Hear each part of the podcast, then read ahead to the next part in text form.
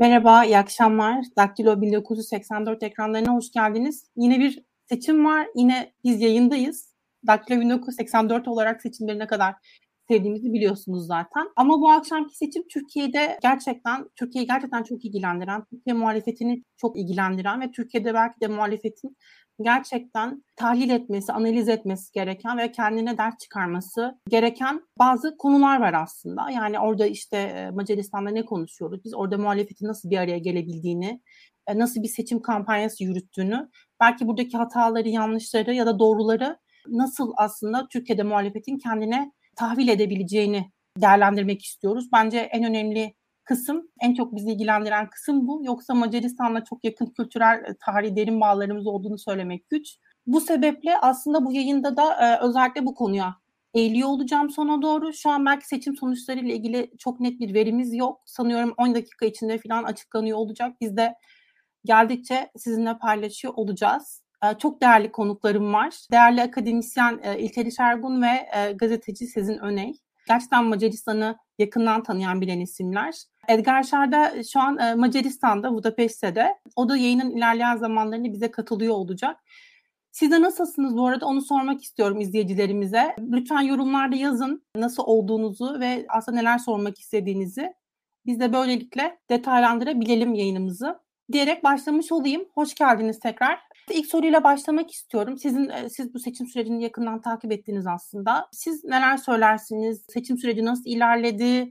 Ve aslında izleyicilere bir soruyla başlamak istiyorum birazcık da. Orban şu an Macaristan'ın başbakanı olan Orban muhafazakar bir siyasetçi. Damadı en büyük bankaları bankalardan birinin başında. Çevresinde işte ilkokul arkadaşı olan bir isim. Şu an gerçekten çok zengin bir iş adamına dönüştü. Muhafazakar demiştik. İşte LGBTQ konusunda belki onlardan nefret ediyor. Kompletörlerinden besleniyor. Yahudileri sakıncalı buluyor. Putin'le iyi ilişkileri var. Biliyorum Türkiye'de çok bu tür politikalar görmüyoruz. Size tanıdık gelmeyecektir. Ama eğer tanıdık gelirse tesadüfen lütfen yorumlarda yazın. Ee, siz hiç böyle bir siyasetçiye tanık oldunuz mu? Türkiye'de biz ileri demokrasi yaşadığımız için çok görmüyoruz ama siz yine de belki denk gelirseniz, aklınıza bir isim gelirse lütfen yorumlarda yazın. Sizin Hanım sizle başlamak istiyorum. Siz seçim sürecinde neler, nelere tanık oldunuz, neler gördünüz? Aslında belki ilk yorumlarla başlamak istiyorum birazcık. Ya tabii Türkiye ile şu an en büyük çağrışımlardan bir tanesi e, muhalefetin e, bir araya gelebilmiş olması. Bütün bu işte Macaristan'da da Türkiye'de de çok kolay bir şey değil aslında bu kadar benzemez bir muhalefet grubunu bir araya getirmek ve orada işte Türkiye'den aslında bana kalırsa daha da benzemez durumlar söz konusu var. Yani Türkiye'de bir Kürt sorunu apayrı bir mesele. Orada ayrı bir fay hattı yaratıyor Kürt sorunu yani Türkiye'de. Baktığımızda yani Yeşil Sol partilerle tutup da Yobbik gibi aşırı sağ kökenli bir partinin bir araya gelmesi de kolay değildi. Bir kere sadece söylem açısından değil işte lider değişebiliyor işte Peter Yakap Şimdi Yahudi kökenli bir lideri var gerçi Yobbik'in ama bir kere kadrolar aynı ister istemez ve o kadrolardan zaten işte Yobbik'ten kopuşlar vesaire de oldu. Dediğim gibi bunlar çok kolay değildi. Ya yani solun da bir arada gelmesi çok kolay değil kendi içinde baktığımızda. Bütün bunları ama aştılar, aşmak zorunda kaldılar. Çünkü hem işte oy oranlarının bir denklemi var. Ama bir de onun ötesinde gene Türkiye'yi çağrıştıran vaziyette bu son zamanlarda seçim yasasında değişiklik tabii ki söz konusu oldu. İşte bu pandemi konusu patlarken aslında daha önce de bir takım değişiklikler oldu ama bu 2020'deki değişiklik tabii ki ası bugünkü bu muhalefet denklemini dayatan herkesin bir araya gelmesine neden olan ortak listeyi hatta ortak adayı yani tek bir partiymişçesine aslında bu altı parti artı diğer dışarıdaki partiler ve hareketlerin bir arada hareket etmesini gerektiren konu oldu, durum oldu bu seçim yasası. Seçim yasasındaki değişiklikler daha doğrusu. Orada da bir seçim yasası değişikliği söz konusu oldu. Evet pandemi bu paketin içine hatta atıldı yani orada da bayağı yangından mal kaçırır gibi oldu diyebiliriz. Ve e, orada ya yani bu altı parti tek partiymişçesine yek vücut olurken öte yanda da dediğim gibi bu işte dışarıda Gergely Karaçonin ve işte tabii ki işte ortak aday olarak sonuçta belirlenen Peter Markizay'ın hareketleri de ayrıca var vesaire derken yani bayağı aslında geniş bir yelpazeden bahsediyoruz. Bir şekilde bir araya ama gelebildiler, gelmek zorunda kaldılar ve sonunda da işte bugüne geldik. Burada mesele belki İlteriş hocamız benden çok daha iyi anlatacak. Bu seçim sürecinde neler yapılamadı belki buna bakmak lazım. Çünkü son bilmiyorum sonuçlar bizi şaşırtsın diye umalım ama herhalde bir Orban zaferine daha gidiyoruz. Ve en önemlisi bu kadar bir araya gelmiş bir muhalefet hezimete uğrarsa o ciddi bir hayal kırıklığı olacak. Kampanyada neler yapılamadı belki veya ne hatalar yapıldı. Neden Orban öne çıktı her şeye rağmen? Belki bunları da biraz tartışabiliriz. Ama dediğim gibi sonuçlar bizi yanılsın, şaşırtsın diye umalım. Anketlerde bir yanılsama, tercih saklayanlar artık vesaire mi diyelim bir şeyler olsun. Sizin gibi karamsar aslında. Ama bu karamsarlığı biraz belki açmasını rica etmiş olayım. Hem belki seçim sistemindeki değişikliklere gidebiliriz hem seçim kampanyasına bakabiliriz. Biraz neler söylersiniz hocam? Şimdi öncelikle bu seçimin bana göre iki temel önemi var. Birincisi rekabetçi otoriter rejime karşı bir genel seçimde böylesine geniş tabanlı bir ittifak ilk defa test ediliyor. İlk defa bunun sonucunu göreceğiz.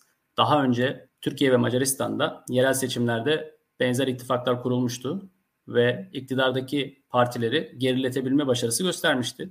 Bu nedenle genel seçime de bu ittifakın taşınarak Orban'ın geri çektirilmesi, oylarının azaltılması stratejisi çok mantıklı gözüküyordu. Bu akşam bugünkü sonuçlar aslında bu ittifak stratejisinin artısını ve eksisini, nerelerde ne yapılabildiğini, neleri eksik bıraktığını veya bu ittifakın başka türlü kurulup kurulamayacağı üzerine bize bazı sonuçlar verecektir. Ama bunu seçim sonuçları ilan edildikten sonra tartışalım. İkinci önemi bu seçimlerin bana sorarsanız Rusya-Ukrayna savaşından sonraki ilk seçim. Dolayısıyla aslında çok farklı bir seçim süreciyle karşı karşıyayız. Şimdi bakınız Macaristan Türkiye bir noktada birçok noktada benziyor. Benzediği noktalardan bir tanesi de şu. Bu partiler hem muhalefet hem iktidar seçim kampanyasına 3 ay, 5 ay, 6 ay, 1 yıl önce başlamadı. 2019 yerel seçimleri bitti genel seçim kampanyası başladı. Özellikle Orban'ın kendi ekibi, kampanya ekibi Budapeşte'nin kaybedilmesinden sonra çok ciddi çalışmalar yaptılar. İşte bunların bir think tank kuruluşu var. Hatta buna Düşünce Bakanlığı deniyor. Sızazadüvek diye. E, çünkü çok etkili. Orban entelijansi, bu entelijansiye, Orban elitler üzerinde. Hemen bu kampanyaya başladılar. Büyük bir çalışma yaptılar. Muhalefet de buna karşılık birazdan uzun uzun konuşacağımız ön seçimlerden tutun da çeşitli yuvarlak masa görüşmeleriyle kendi siyasetini ve kampanyasını belirledi. Fakat Şubat ayının sonuna doğru Rusya'nın Ukrayna'ya saldırısıyla beraber her iki tarafta bütün kampanyayı adeta çöpe atmış oldu. Yeni baştan doğaçlamayla bir kampanya yapmak zorunda kaldılar. Ve bu yeni kampanya her ne kadar kağıt üstünde muhalefet için büyük bir avantaj sağlıyor olarak gözükse de unutulmasın ki Macaristan artık bildiğimiz anlamda bir liberal demokrasi değil partilerin partilerle olan yarışından bahsetmiyoruz. Bir partinin devletle olan yarışından bahsediyoruz. İşte bu noktada bu doğaçlama kampanya sürecinde muhalefetin başarılı bir söylem ve program yürütemediğini tahminim sonuçlar bize gösterecek. Bu iki neden Macaristan seçimlerini tarihi önemi olarak karşımıza çıkıyor. Edgar selam. Bizi Merhabalar. duyabiliyor musun? Duyuyorum. Siz duyuyor musunuz? Harika, Biraz kalabalık. harika duyuyoruz biraz kalabalık bir ortamdayım kusura bakmayın. Şey Budapeşte de muhalefet ittifakının diyelim basın bürosundayım. Burada uluslararası basın tabii bayağı ilgi gösteriyor. Böyle kalabalık bir ortam. Burada ben birkaç milletvekiliyle konuştum. Bazısı Avrupa Parlamentosu. E şimdi tabii şey var yani siyasetçi konuşması işte biz elimizden geleni yaptık işte ama işte, işte medya şöyle hükümetine de işte mesajımızı şöyle iletemiyoruz da vesaire vesaire. Yani bu bütün bu şey tabii uluslararası basın için bunlar çok anlamlı. Mesela o sırada BBC'den gelen adam not alıyor. Not alıyor. Ben diyorum ki ben Türkiye'den geliyorum. Ben bunları bir ezbere biliyorum. Bana başka şeyler anlatın falan. Çünkü tabii yani mesela şöyle bir şey var. Gelecek seçimleri hayal edelim Türkiye'de.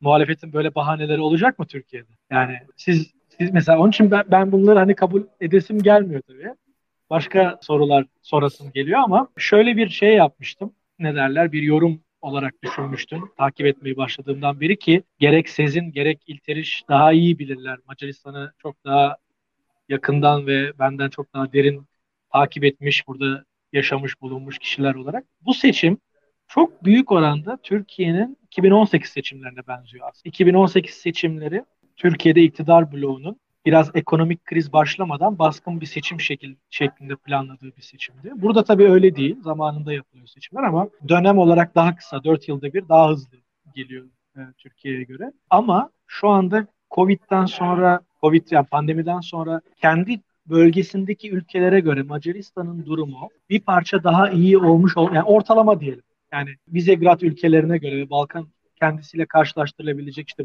Bulgaristan, Romanya gibi ülkelere göre ortalama bir durumu oldu Macaristan'ın ama bundan sonra ciddi bir mali kriz bekleniyor aslında.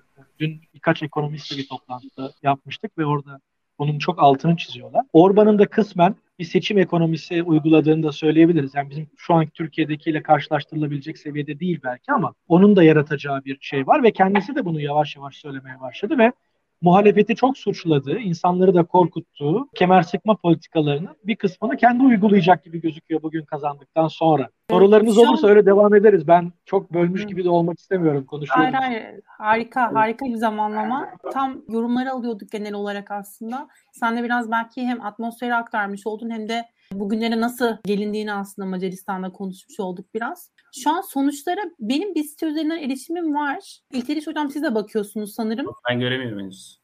Ben About Hungary diye bir web sitesinden görüyorum ama bu sitenin resmi bir şeyi var mı? Daha doğrusu resmi varsa bu sefer buna da güvenemiyoruz. Belki Anadolu Ajansı gibi bir şey de olabilir emin olamıyorum.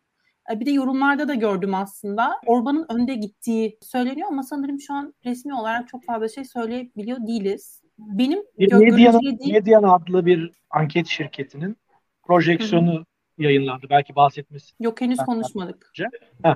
Orada yani ben burada sorduğumda da hani sonuçta az çok bağımsız bir kuruluş olarak düşünebileceğimizi söyleyebilirim ki öyle de onayladı buradakiler. %49'a %41 gibi bir oran görüyor. Fides %49. Bu oran tabii yüksek bir oran. Bu oran sandık 2018'de çıkış anketleri mi bunlar Edgar? Hayır. Sandık çıkış anketi yok Macaristan'da. Okay. Dün yapılan, en son yapılan anketler. Hı hı. Dolayısıyla bugünü tam anlamıyla yansıtmış yansıtmamış olabilir. Ben şimdi dün Karaçoy'unla konuştum. Budapeşte Belediye Başkanı'yla. O kadar net bir cevap beklemiyordum. Yani kendisine dedim ki bu anketler yanılacak mı sizce? Çünkü onun seçil, seçildiği seçimde anket ortalaması kaybedeceklerini gösteriyordu. Mesela İstanbul seçimlerini hatırlayın. İstanbul seçimlerinde Ekrem İmamoğlu'nun kazanacağını söyleyen anket sayısı az değildi.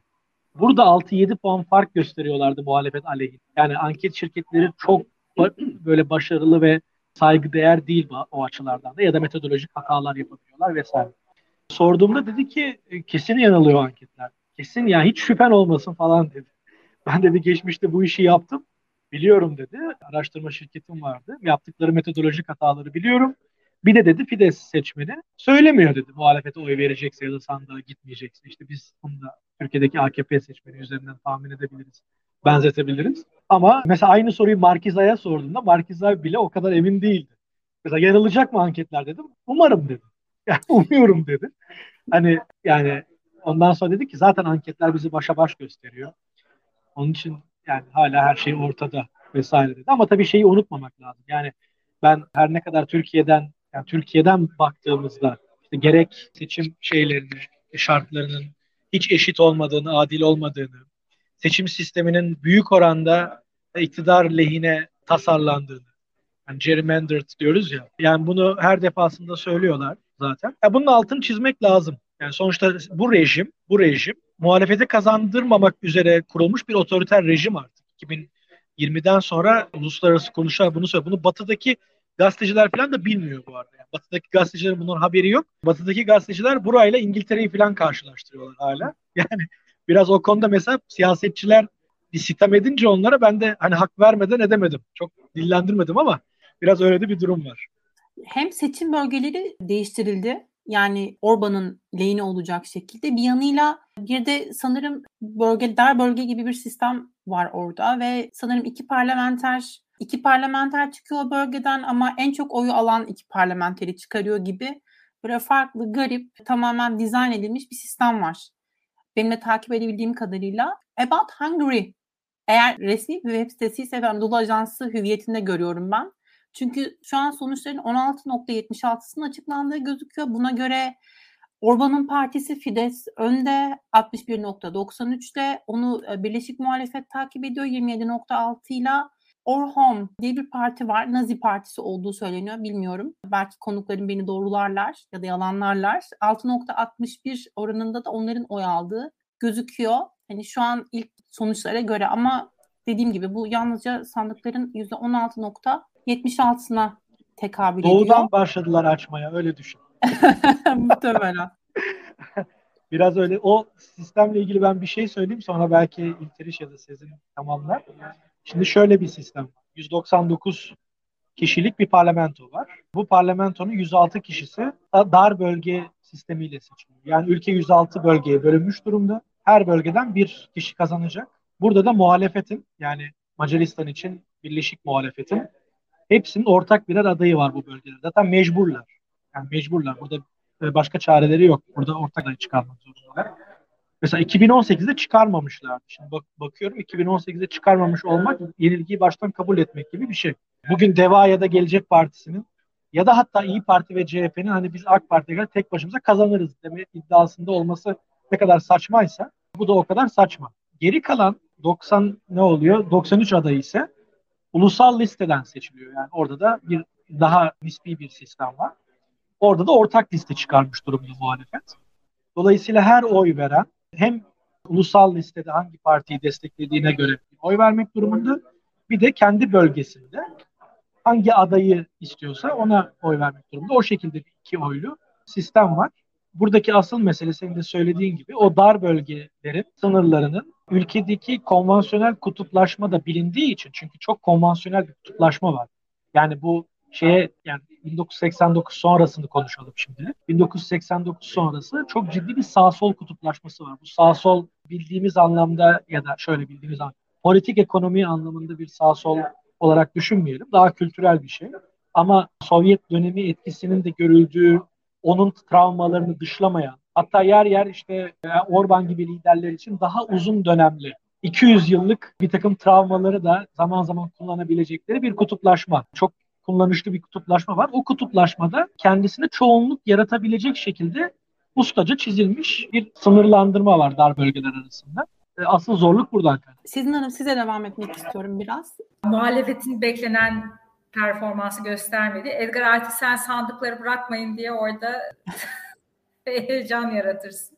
Ya tabii şimdi burada niye böyle oluyor? Aslında muhalefetin hakikaten de yani yaşayacağı en sarsıcı yüzleşme herhalde bu olacak. Yani bir araya gelmemize rağmen neden biz yapamadık? Umarım yani biz e, apolitikleşmeyi Macaristan zaten bu anlamda apolitikleşmeye meyilli de bir ülke bana kalırsa ve yani bunun daha da siyaset yapma heyecanını ve hevesini muhalefetten tamamen götürmemesini umalım. Ve Türkiye için de bu açıdan yani baktığımda tabii hani gene değişir diye umalım ama muhalefetin bir kez daha tökezlediği bir durum ortaya çıkıyor. Şimdi burada biraz beni düşündüren, bu kadar yüzümün asılmasına neden olan bu ara Fransa'da da Le Pen'in çıkışı var.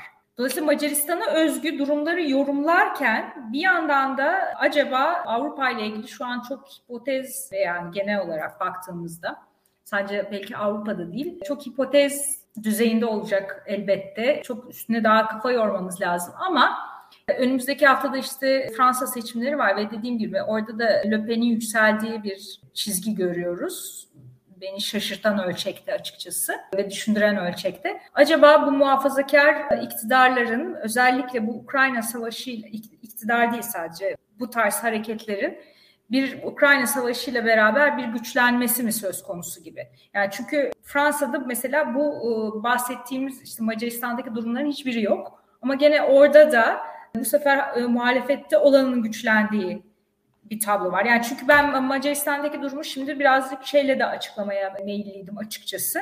İstikrarın sürdürülmesi arzusu.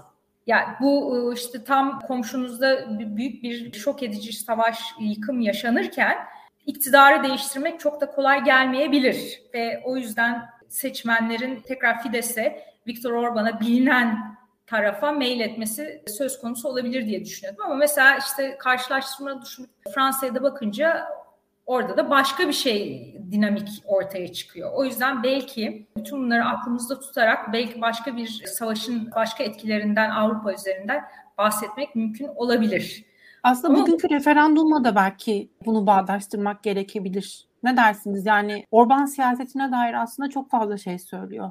LGBTQ'larla ilgili yani tabii siz e, bunu detaylandırmak istersiniz. Belki referandumun kapsamı neydi ama seçim günüyle aynı gün böyle bir referandumun düzenlenmesi aslında ne kadar toplumun kutuplaştırılmaya çalışıldığını ve gerçi artık bu konuda sanırım hem izleyiciler hem herkes o kadar master yapmış gibi hissediyor olsalar gerek. Çünkü bütün bunların hepsini defalarca kez konuştuk, defalarca kez yaşadık ve şimdi Macaristan'da da aynısı tekrar ediyor. Aslında bu işte İstanbul, Türkiye vesaire bunları düşünürken kendimi biraz da şeyde hissediyorum. Budapeşte de gece yarısı gibi. Sanki bir oteldeyiz Budapeşte de ve şimdi hepimiz İstanbul'da geleceğe ışınlanmışız ve seçim sonuçlarını takip ediyormuşuz gibi. Referandum... Tabii, farklı dinamikler e, söz konusu olabilir ve Türkiye'de bir sonuçta e, zaman var. Ama burada da işte mesela Viktor Orban'ın ve Fidesz'in yaptığı hep o şapkadan çıkan tavşanlar meselesi var ya Türkiye'de de yani işte iktidar bunlar siyasetin kurduğu liderler ve bir şekilde hep bir şey yapıp gündemi belirleyip veyahut da gündemi kendilerine uydurup siyaset ortamını kendilerine uydurup gene kazanmayı biliyorlar. Ön kabulümüz var malum. Viktor Orban ve Macaristan için de bu geçerli. Yani bir, bir yandan hani ön kabulümüz de çok yanlış değil. Çünkü hakikaten siyasetin hem kurdu olan liderler tamam yani gerçekten siyasetin nasıl işlediğine çok hakimler ama bir yandan da o siyasi düzlemi zaten tamamen kendilerine göre şekillendirmiş vaziyetteler. O yüzden istedikleri sonucu alabiliyorlar. Kendilerine bir siyasi iklim, fauna kazanacakları bir iklimi yaratmış durumdalar. İklim değişikliği bir anlamda siyasette yaratmış durumdalar. O yüzden zaten bu sonuçlarla karşılaşıyoruz. E bunun işte yasal boyutu var. Ya yani burada daha çok seçim yasasıyla ilgili düzenlemeler tabii etkili oluyor ister istemez. E, öte yandan işte bana kalırsa muhalefetin seçim kampanyasında Macaristan'da gene kutuplaşmayı ister istemez Edgar'la da daha önce bunu başka bir programda zaten konuşmuştuk. İster istemez kutuplaşmayı ön plana çıkaran yani işte Avrupa mı yoksa Doğu mu gibi ikilemler üzerinden siyaset yapınca halbuki e, Peter Markizay'ın mesela bütün numara, numarası diyelim e, sihri Mezovaçarhey'de o küçük yerde Taşre kasabasında kentinde bir şey yaratmasıydı. Orban sonrası bir siyasete dair adeta post Orban bir söylemi yaratabilmesiydi. O kutuplaşma ortamını açıp herkesi bir araya getirebildiği için başarılı olmuştu. Ama şimdi kampanyada mesela bunu değil de gene ya o ya bu gibi bir şeyi gördük. O da yani ister istemez mutsuzluğa sevk ediyor belki seçmenleri. Belki gene hani bildik adreslere yönelmelerine sebep oluyor. Gene aynı zihin dünyalarında kurgularda düşünmelerine sebep oluyor. Bir türlü Orban üstü siyaseti çıkılamıyor.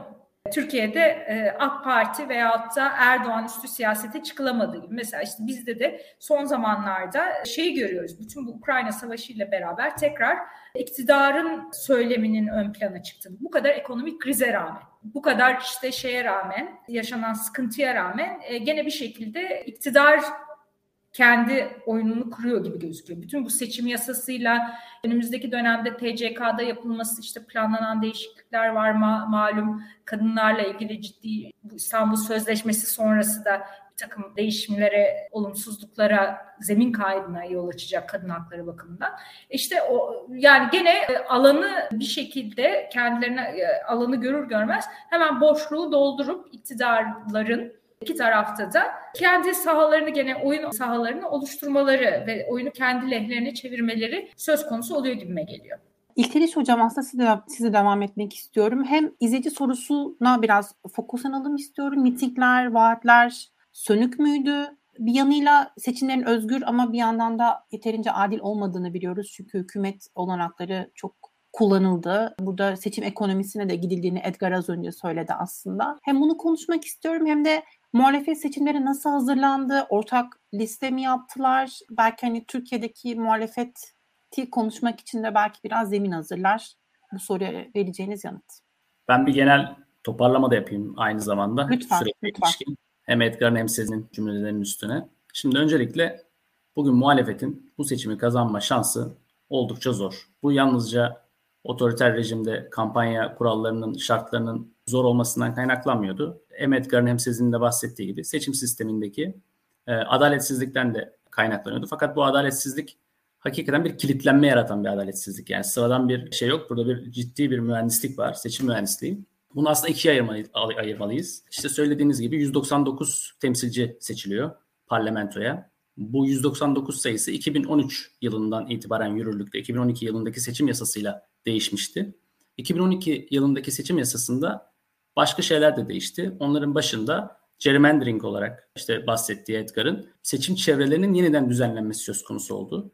Fakat bu seçim çevrelerinin yeniden düzenlenmesi iki aşamada gerçekleşti. Birincisi daha çok progresif partilere oy veren kentler kırsal alanlarla eklemlenerek bu kentlerde muhafazakar sağ partilerin temsilci çıkarma olanağını artırıldı. İkinci olarak da ortalama seçmen sayısı progresif partilere oy veren yerlerde temsilci başına düşen ortalama seçmen sayısı muhafazakar partilere oy veren yerlere göre 1'e 2 oranında dağıtıldı. İnanılmaz bir eşitsiz dağıtım, oransal dağıtım söz konusu oldu. Bu birinci nokta. İkinci nokta çok kritik olan bir şey. 2019 yılında Anayasa Mahkemesi'ne götürülmüş bir mesele. Oy turizmi meselesi.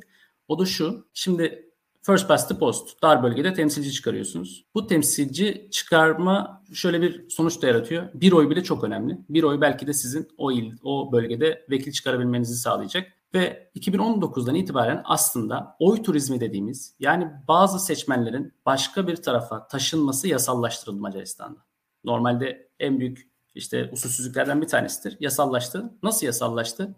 Özellikle şimdi Macaristan bugün 10 milyonluk bir ülke. Fakat Macarlar 13-13,5 milyonu bulan bir ülke. Trianon 1920'de Birinci Dünya Savaşı'nın sonundan önce Avusturya Macaristan İmparatorluğu'nun bakiyesi olan ciddi bir etnik Macar nüfus söz konusu.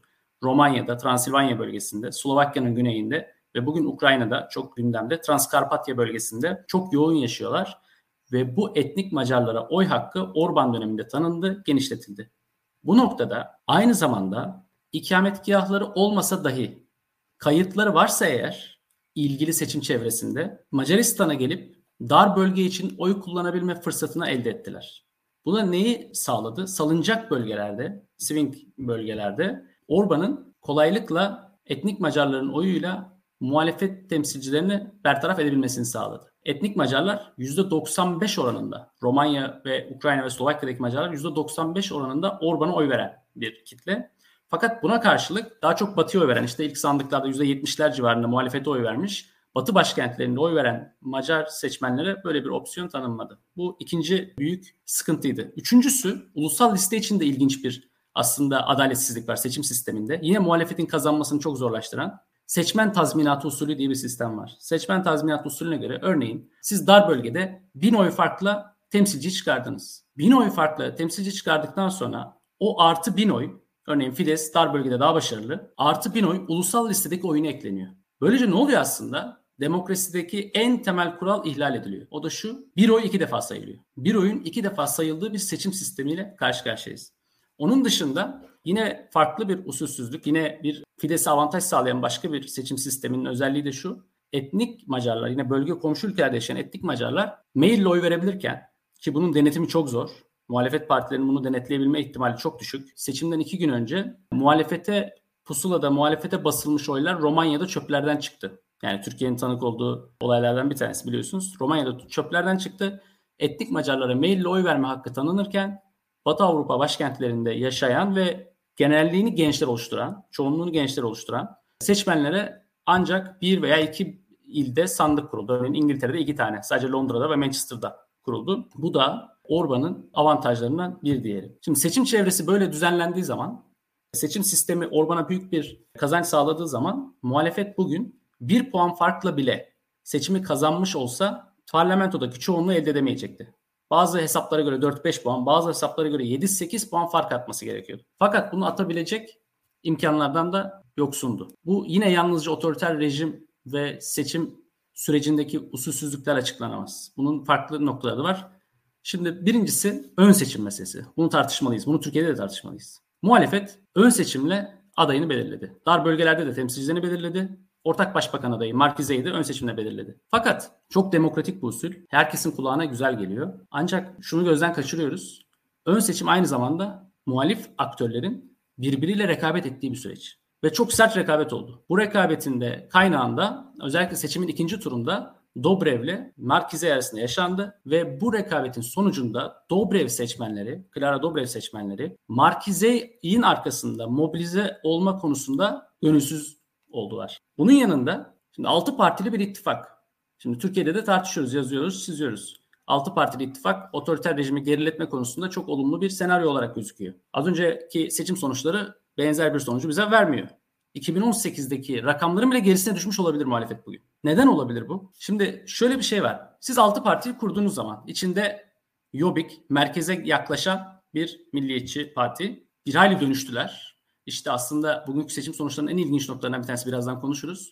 %6 oy alan Hazank Partisi. Bu parti Yobik'in merkeze taşınmasından kaynaklı olarak kurulmuş Türkiye'deki Zafer Partisi'ne benzer profile sahip bir sağ popülist parti. Çok ciddi boy aldı. Yobik var ittifakın içerisinde. Yeşiller var. Sol liberaller var. Sağ liberaller var. Sosyal demokratlar var. Sosyalistler var. Bu kadar farklı partilere sahip bir ittifak içerisinde. Bu partilerden hiçbirine üye olmayan, küçük bir kasabanın belediye başkanı olan, daha önce ulusal siyasette deneyimi hiç olmamış olan ve kendi ideolojik pozisyonu hiçbiriyle eşleşmeyen. Hiçbiriyle eşleşmiyor bunun. Yobik'le dahil hiçbiriyle eşleşmiyor. Daha Fides seçmenine hoş gelen işte yedi çocuk babası Katolik muhafazakar bir adam Markize. Bu partilerin kampanyalarını birbirine eklemleyerek pozitif vaatlere dayalı bir kampanya yürütebilme ihtimali çok çok zordu ve zaten olmadı. Hangi hamleyi yaparsa o hamlenin karşısına muhalefeti oluşturan partilerden bir tanesi çıktı ve kendi sözünü geri almak zorunda kaldı. Şöyle söyleyeyim size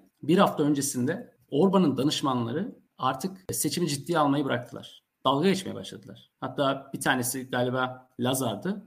E dedi ki Markize'yi takip edebilene tebrik ediyorum. Bu kadar karmaşık mesajları takip edebilecek bir seçmen tanımıyorum Macaristan'da. Sürekli gaf yaptı. Sürekli gaflarını tekrar düzeltmek zorunda kaldı. Kafası karıştı. Tanımadığı seçmene hitap ediyordu. Ve bütün bunların sonucunda elinde geriye bir tek şey kaldı. Anti Orban. Orban karşıtlığı. Şimdi Orban karşıtlığına siz dayandırdığınız zaman ittifaktaki sıkıntılardan kaynaklı olarak. Bir de bu bir savaş dönemine denk gelirse Rusya-Ukrayna savaşına denk gelirse yani endişenin arttığı bir dönemde Orban karşıtlığını dayandırdığınızda deneyimsiz bir siyasetçi olarak deneyimsiz bir siyasetçi olarak endişenin olduğu dönemde deneyimli siyasetçinin arkasına toplanma durumunu da göz önüne alırsanız Markize'in bugünkü başarısızlığının en temel faktörlerinden bir tanesi olarak savaş durumunda Rusya-Ukrayna savaşında çok da doğru olmayan bir pozisyon aldığını da görmüş oluyoruz. Bir üçüncüsü Edgar bahsetti. Katıldığım taraflar da var, katılmadığım yerler de var. Gelecek, geleceğe ilişkin. Çünkü şunu şöyle altını çizeyim. Orban hakikaten Türkiye'de de karşılaştırdığımız zaman, Türkiye'deki rejimle de karşılaştırdığımız zaman çok da usta biri siyasetçi. Şöyle usta, Gramsciyen muhafazakar. Yani siyaset bilimi literatüründen söylersek altyapıyı da üst yapıyı da çok bir mühendis bir örümcek gibi kuran bir adam. Örümcek ağı gibi toplumu saran ve entelektüel düzeyde kendi siyasetini meşrulaştırma çabasını da ön plan alan bir adam. Şimdi bu bağlamda baktığımız zaman Edgar'ın Orban'ın vaatlerinin ekonomide yaratacağı yük üzerinden geleceğe dair bir kemer sıkma durumunun olmayabilme ihtimali var. Çünkü oligarşik network, otoriter rejim network'ünü çok iyi kullanıyor. Rant alanlarını çok iyi kullanıyor rant network'lerini Bakın küçücük bir ülkeden bahsediyoruz. 9,5 milyonluk en zengini 1 milyar doları var Simiska işte sınıf arkadaşı. Fakat sıklıkla Putin'i ziyaret eden bir oligarşik yapı var. Kanalları çok iyi kullanıyorlar. Ortodoks siyasetinde etkili bir Macaristan var. İsrail'le çok iyi ilişkileri vardı Netanyahu döneminde. Arap ülkeleriyle, Suudi Arabistan'la, Birleşik Arap Emirlikleri'yle ilişkiler kurabilen bir network bunlar. Dolayısıyla paraya erişebilme ihtimali olan bir network. Seçimde peki ne yaptı? Edgar'ın bahsettiği bu enflasyonist bir dönem oluşabilir. Şimdi seçimde şöyle bir şey yaptı. Birincisi Şubat ayında Macar emeklileri bir maaş ikramiye aldı. Henüz seçimden önce bir maaş ikramiye. İkincisi kamu sektöründe çalışan başta sağlık sektörü, eğitim sektörü ve kültürel faaliyetler sektöründe çalışanlar ciddi maaş artışları sağladı. Bir diğeri 2010 yılında Orban iktidara geldiğinde tam ekonomik kriz sonrasında vaatlerinin başında işsizliği bitireceğim vardı. İşsizlik bugün hakikaten Macaristan'da düşük. Bunun en temel nedeni onların kullanmış olduğu Orban'ın 2010 yılında ilan ettiği bir iş gücü planı. Yani şöyle bir plan hemen hemen çalışmak isteyen herkes çalışabilir. Çok düşük ücretle tahmin ediyorum hatırladığım kadarıyla asgari ücretin %70'i kadar bir ücretle isteyen herkese iş, isteyen herkesin iş bulabildiği, çalışabildiği bir program var. Bu Macaristan'ın kuzeydoğusunda. Yani Sovyet döneminde endüstrileşen fakat Sovyetler sonrası de-endüstrileşen yani sanayinin tükendiği, kapandığı ve işsizliğin çok yüksek olduğu yoksul bölgelerde çok etkili bir program. 200-250 bin civarında insan çalışıyor. Çok net bir program ve buraya katılacak kişiler yani bu eğitim bu çalışma programına katılacak kişiler Fides'in taşra teşkilatının onayından geçerek yapılıyor. 200 bin, 250 bin kişiye devlet eliyle alt sınıflara iş verilebildi, verilme ihtimalinin olduğu bir sistemden bahsediyoruz. Bunun dışında vergi indirimleri yaptı. Özellikle geniş ailelere. İşte bu muhafazakar aile tablosunu koruma bağlamında vergi indirimleri sağladı. Gençlere vergi indirimleri sağladı. Bütün bunlar kemer sıkma programı beklentisi oluşturdu seçim sonrası için. Ama seçim öncesi için seçmenin tekrar Orban'ın arkasında mobilize olabilmesini güçlendirdi. Bunun dışında başka birkaç daha şey sayarsak mesela alım gücü çok düşmedi Macaristan'da. Bunun da nedeni paternalist bir ekonomik politika izledi. Yine anortodoks yöntemlere başvurdu. Halkın en fazla kullandığı ürünlerin fiyatları artmadı. Çünkü sabit fiyat uygulaması, taban, tavan fiyat uygulamasına geçti. Bunun en başında ne var? Un, ayçiçek yağı, et gibi ürünlerde fiyat artışları yaşanmadı. Bir Türkiye'ye benzer bir şekilde ekonomik kriz içerisinde yaşamıyor Macar halkı şu anda. Bunun dışında ek olarak... Aslında seçmenin muhalefet partilerine gitmek için çok e, kısıtlı bir motivasyonu var. Eğer ekonomik durum bu kadar iyiyse yani sadece ideolojik sebeplerin rol oynadığını belki söylemek mümkün ne dersiniz?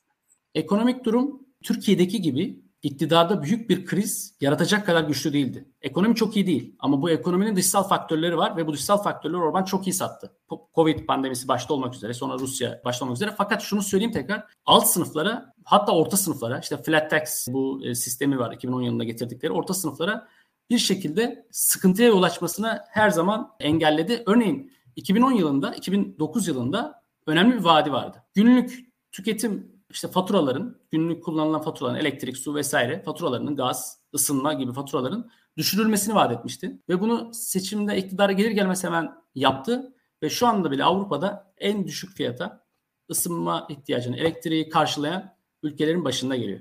Zaten Rusya-Ukrayna savaşında bunu yine seçmene çok net bir şekilde vurguladı pozisyonunu anlatmak açısından.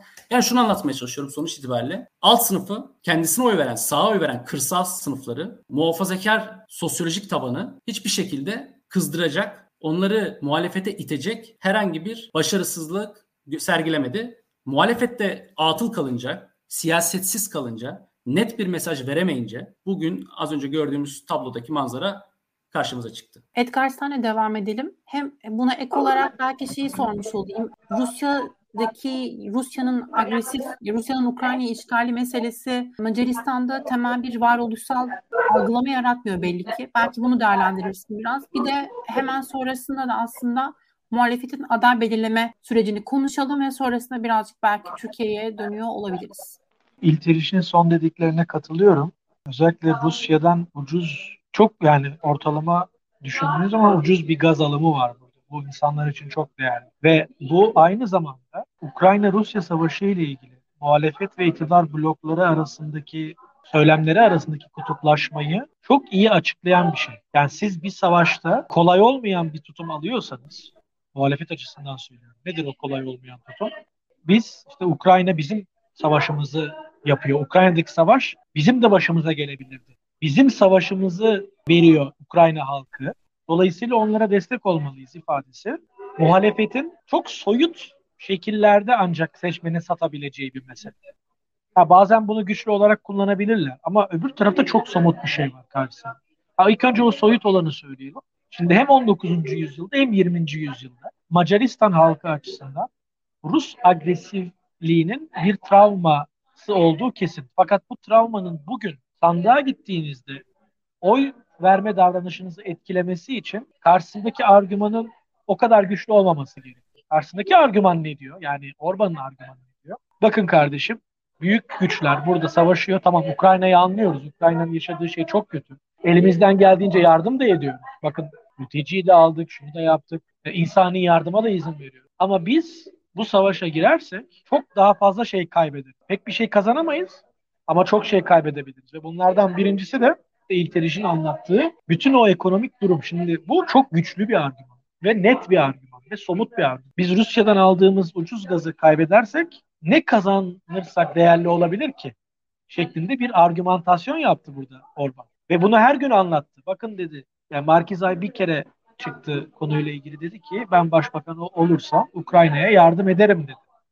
İnsani yardım da yaparım, asker de gerekirse yollarım eğer NATO isterse, NATO isterse. Şimdi bunu Orban ne yaptı? Bakın bunlar iktidara gelirse bizim Mehmetçiğimizi tırnak içinde oraya yollayacak dedi. Yani bunun üzerinden bir siyaset yaptı. Şimdi bunu zaten çok ne diyelim mertçe kullanmayacağını karşı tarafı tahmin edebiliriz. Ama yani burada şeyin pozisyonu, Markizay'ın pozisyonu daha zayıf bir pozisyon olarak kaldı. Çünkü o pozisyonu korumak için de sürekli o pozisyonu korumak da maliyetli hale geldi bir noktadan sonra. Ukrayna'nın savaşı bizim savaşımızdır dedi dedi. E karşı taraf kendini çok da öyle biri olmamasına rağmen bir barış elçisi gibi sunmaya çalışmasına da yardımcı olmuş oldu aslında. Yani biraz işin böyle bir kısmı var. Burada bizim Sen, asıl e, tartışmamız... Twitter hesabından da paylaşıyordun propagandanın ne kadar güçlü olduğunu evet. Orban tarafından. Ve evet. aslında muhalefetin adayının en çok Orban tarafından aslında reklam edildiğini, promote edildiğini söylüyordun. Evet yani Türkiye'de Türkiye'de negatif kampanyayı AK Parti artık beceremiyor. AK Parti artık beceremiyor. Yani Kemal Kılıçdaroğlu ile bir tane ilgili bir tane çizgi film yapmışlardı hatırlıyorsunuz. Kaldırdılar öbür gün Erdoğan'ın istemiyle. Yani burada negatif kampanyanın çok işlediğini düşünüyor Orban. Yani bugünkü sonuçlar da bu şekilde devam edecekse yani bilmiyorum. İşte ben yani çok basit nedensellikler kurmaya her zaman karşıyım. Yani demek ki işe yarıyor gibi değil ama muhalefetin reklamını da yapmadı onlar burada Türkiye'deki gibi. Onun yerine İlter İş'in altını çizdiği gibi şeye biraz yol açtı. Yani Markizay'ın gülünçlüğünü ortaya çıkarmak gibi bir Özür dilerim böleyim seni. Şu an %30 oyların %36'sının sayıldığını ben görüntülüyorum. Buna göre Orban'ın partisinin %34 sandalyeye ulaştığı, Birleşik Muhalefet'in 57 sandalyeye ulaştığı, ulaşacağı düşünülüyor. Edgar sen devam ederken belki muhalefetin aday belirleme sürecine odaklanıyor evet. olabiliriz. Ne dersin? Şimdi evet oraya girmeden bir cümle daha söyleyeyim. Burada tartışılması gereken bu tarz bir rejim yani adaletsiz, çok adaletsiz olmasına rağmen ayrıntılarını biraz önce Sezin de işte anlattı. Bir şekilde seçim sonucuna dayanan otoriter, otoriter demekte bunda artık bir sakınca yok. Ama bir rekabete de kendince bir rekabet vasat da olsa nispeten bir rekabet altında meşruiyetini buna borçlu olan bir rejimin kaybetmesi için ne gerekir? Bakın demok bir demokraside her zaman belirsiz bir belirlilik vardır. Yani siz başarılı olabilirsiniz yine de kaybedebilirsiniz. Ama şimdi burada Türkiye örneğiyle filan beraber baktığımız zaman artık şunu görüyoruz. Bu tarz otoriter rejimler yönetememe krizi olmadan gitmeleri gerçekten çok zor. Yani bu, bu çok önemli bir şey. Ben 2018 benzetmesi yaparken bu da basit bir benzetme bu arada ama hem izleyiciler anlayabilsin hem de biraz muhalefetin durumu konusunda bir fikir yürütme yapabilelim diye bu basit, indirgemeci benzetmeyi yapıyorum. Yani ekonomik krizin henüz muhalefeti kendiliğinden çok öne çıkarmadığı ya da iktidarı çok geriye düşürmediği ve muhalefetin de mecburiyetten bir araya gelmiş olsa da birçok sistematik hata yaptığı bir süreç olarak 2018'e benzetiyor. Ha, bundan sonra ekonomik kriz olur mu? Orada emin değilim. Yani İlteriş'in söylediği şeyler, yapısal şeyler okey ama Avrupa Birliği fonları meselesinin de çok ciddi bir faktör olarak düşünmemiz gerekecek. Çünkü bugün bu otoriter rejimin finansmanı yani çünkü siz bir otoriter rejimi hem finanse edip hem de sizin çoğunluğunuza yani size oy verecek çoğunluğa bir şekilde akıtabiliyorsanız bu rejim ilelebet devam eder aslında teoride. Yani bir, bir şey değişmezse. Bunun bu bu mekanizmanın Türkiye'de de bu mekanizmanın e, aynısı işte nasıl o beşli çete havuz medyasıyla falan yapıldığını biliyoruz. Bu mekanizmanın devamında devam edebilmesi, kurulmasında ve devam edebilmesinde Avrupa Birliği fonlarının çok etkisi olduğunu burada çok duyuyorum. Şimdi bunun ne kadar devam edip etmeyeceği de önemli. Şimdi aday belirleme şeyini uzatmadan geleyim. Şimdi orada ben İlteriş'in şeylerine katılıyorum eleştirilerine ama bu eleştirileri yaparken alternatifi de iyi düşünmek lazım. Yani alternatifi ne olabilir? Şimdi ben buraya gelmeden biraz daha şey gibi düşün. Tabii yani işte Markizay muhafazakar bir aday. Biz de Orban'ı ancak muhafazakar bir adayla yeneriz. Şeyi, hikayesi yürümüş belli. Ya tüm Tam olarak o kadar tanıdık geliyor ki sen konuştukça. Evet. Evet ama işte ama aslında tanıdık geldiği oranda dikkatli olmak lazım. Çünkü çok ayrıntılar var.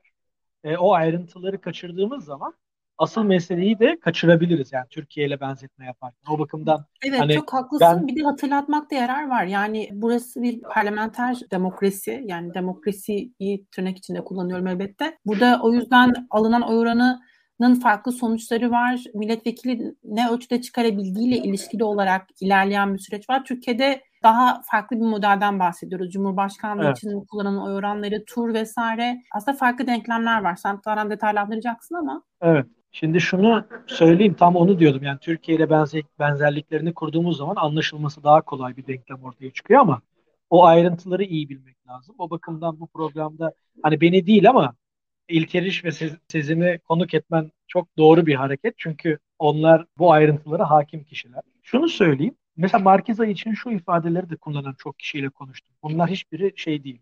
Temsili bir örneklemden bahsetmediğim için şey yapmam ama hani sonuçta anlamlı birkaç şey genç seçmenle falan konuştuğum zaman şimdi olası diğer adayların da hepsinin geçmişinde bazı şeyler var. Yani Karaçoyun için bile yalandır, doğrudur bilmiyorum o kadar ayrıntısını ama bazı iddialar hep söylenmiş ve bu bu tarz iddialar yani bir de içinde bulunduğumuz rejimde karalama kampanyası açısından çok başarılı bir rejim. Seçmenin bir kısmında karşılık buluyor. Şimdi genç seçmen biraz daha geçmişi geçmişten gelmeyen birilerini istiyor. Aslında o açıdan Markizay biraz heyecan da yaratmış gibi gördüm. Yani en azından yeni biri. Ha, şöyle de bir şey var. Nasıl söyleyeyim hani konsept olarak Hristiyan muhafazakar birinden bahsetmiyoruz tam. Yani şey siyaseten. Daha daha özgürlükçü muhafazakar birinden bahsediyoruz. Kullandığı dil de öyle zaten. Yani o açıdan ya da en azından Fidesz'in tanımladığı ya da söylemini oluşturduğu anlamda bir Hristiyan muhafazakardan bahsetmiyoruz. Hani çünkü yapılan benzetmeler o zaman ah şimdi bu Türkiye'deki Abdullah Gül'e mi denk geliyor, Davutoğlu'na mı denk geliyor falan gibi şeylerle karşılaşıyor.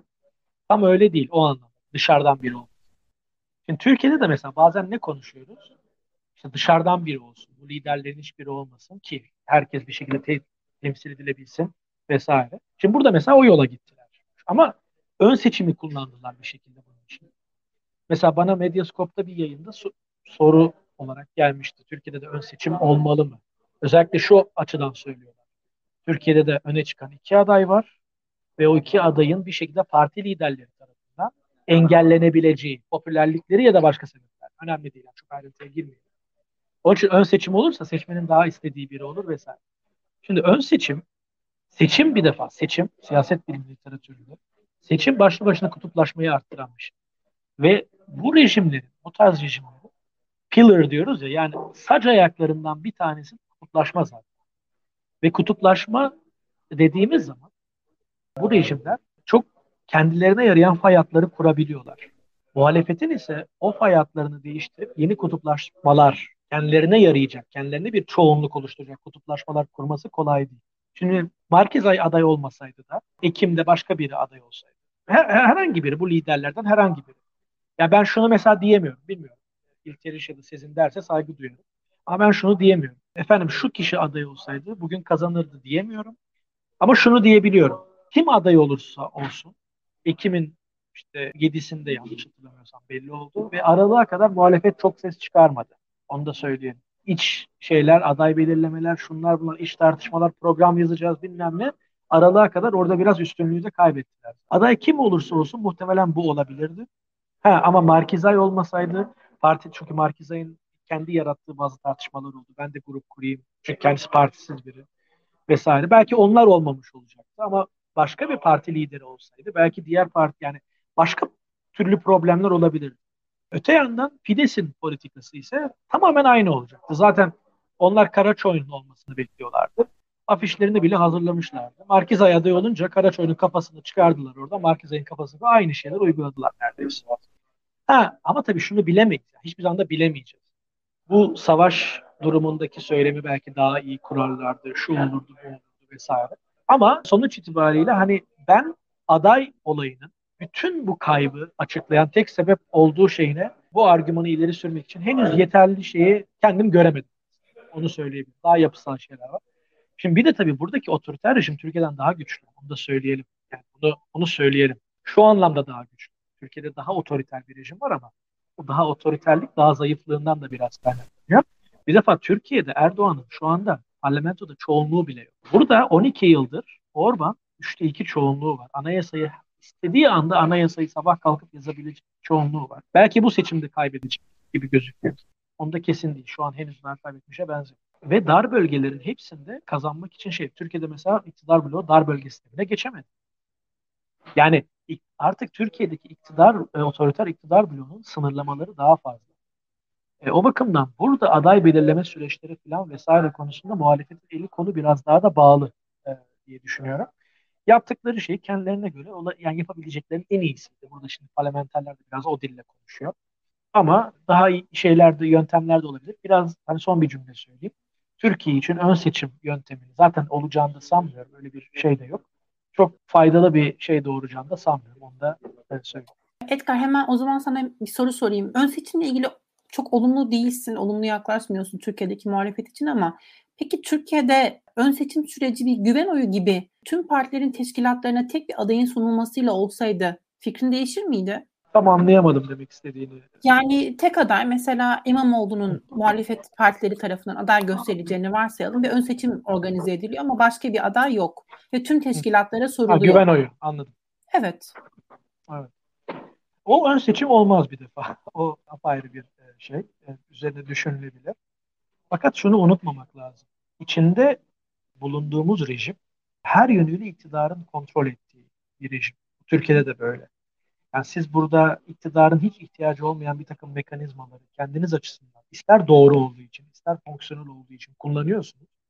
Ama bütün bunlar size fonksiyonel olduğu anlamda iktidarın kullanımı açısından dezavantaj da getirebilir. Biraz da böyle bir sıkıntı var. Türkiye'de eğer bütün liderler tek bir aday konusunda anlaşabilirlerse bunu güven oyuna sunmak isteyeceklerinden emin değilim. Çünkü o güven oyu alamazsa ne olacak konusu bu sefer ortaya çıkar ki o çok karmaşık bir durum ortaya çıkarabilir. Bir de o kadar zaman yok biliyorsun değil mi? Yani biz seçim takvimi açıklandığında bu adayı yapacağız diyorlar. O dediğin süreç için bir zaman da yok. Şu an bile, şu andan başlansa bu yetişmez. Öyle söyleyeyim. Bir de böyle bir sıkıntı. Zaten seçim kararı alındıktan sonra 3 ay sonra düzenleniyor seçimler Türkiye'de benim hatırladığım kadarıyla. Evet. E, bu da kampanya sürecinin 3 ay gibi bir zamana sıkacağı anlamına o gelir. Üç ayın, o 3 ayın da bir ayı listelerde şunlardı bunlardı YSK deadline'larına uyma vesaire 2 aydır kampanya en fazla. 58. Doğru söylüyorsun.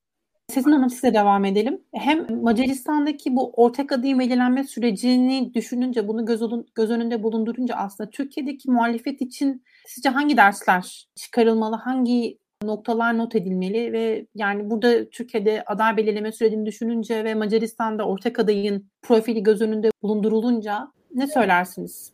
%50'si yaklaşık oyların e, sayılmış durumda ve baktığımızda muhalefetin durumu beklenenden kötü gözüküyor. İktidarın değişmemesi değil, muhalefet beklenenden kötü gibi ama tabii daha büyük şehirler gelecek ve asıl muhalefetin güçlü olduğu yerlerde orası özellikle Budapeşte. Gene de İlkan, e, sevgili İlkan yazmış, Ekmelettin gibi bir aday mı gibi Peter Markeza için. Şimdi biz kötü olduğunu gördüğümüz sonuçlara veya iyi olmayan sonuçlara bakarak yorumlar yapıyoruz.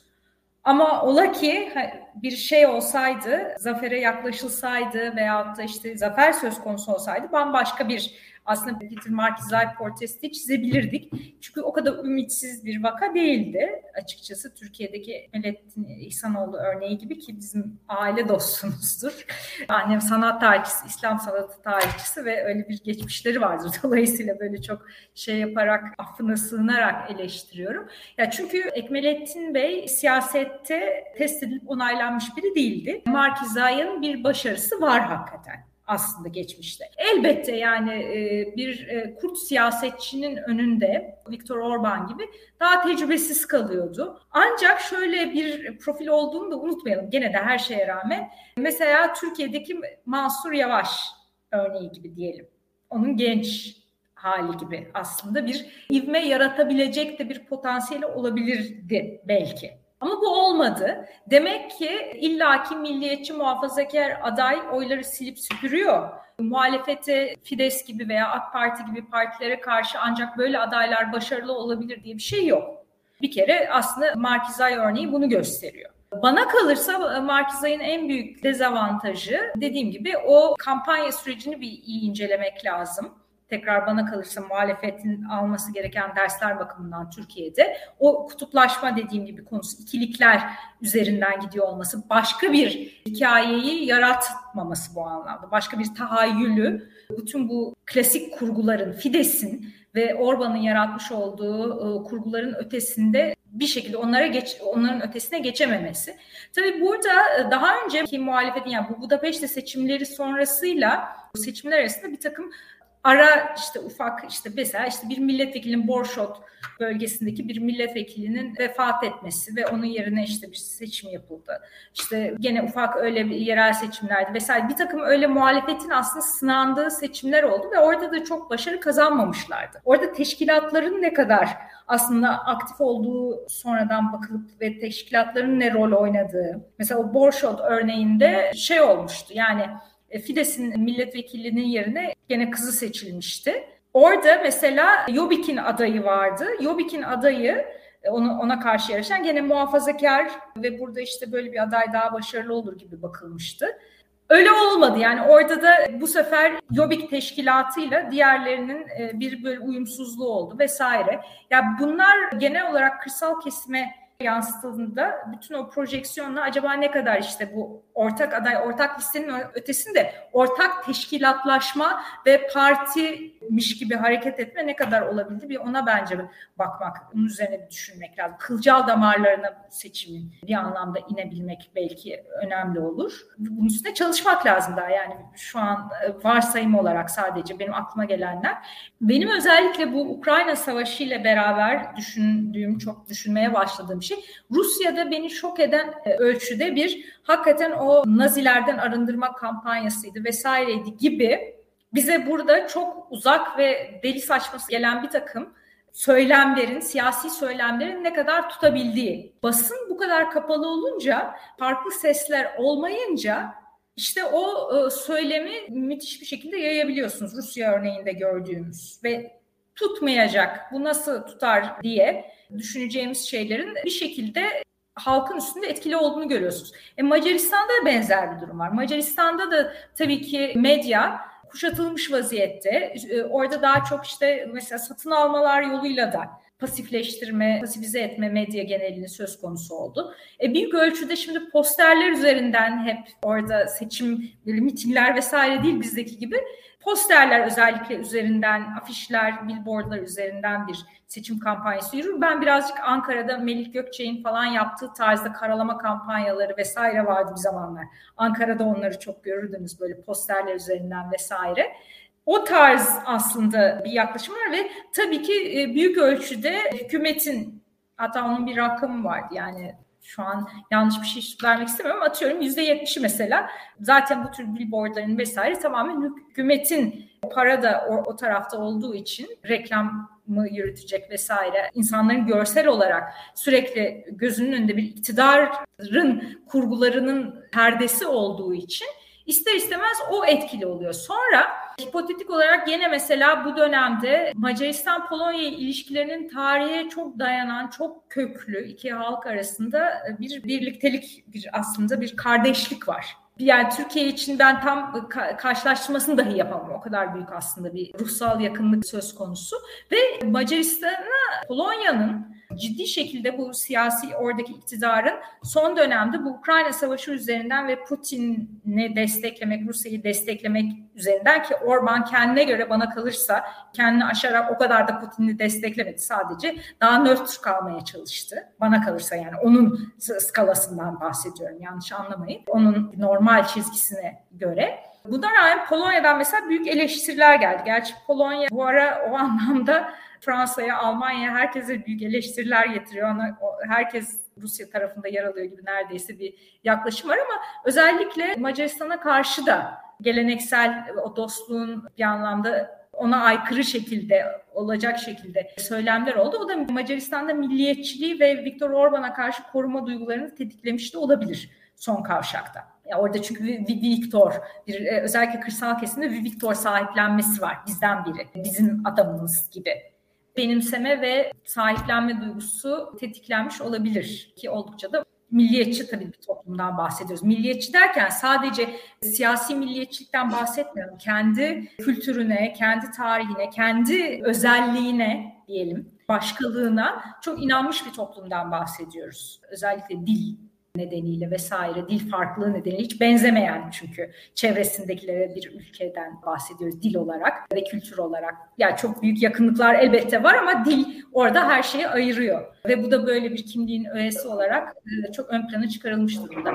Sizin ona ben de çok inandım hakikaten yani buradayken. Benzer kelime bile yok yani senin. evet. Ve üstelik yani bir tek telaffuz ederken yanlış tonlama olursa bitiyorsunuz anlaşılmıyorsunuz. Kulaklar tırmalanıyor böyle bir şey sinir krizi geçirebilir Macar yani. Hani normalde gerçekten ne kadar güzel konuşuyorsun bir şeyi vardır, desteklemesi vardır dili öğrenmeye çalışanlara karşı. Macaristan öyle değil bu açıdan.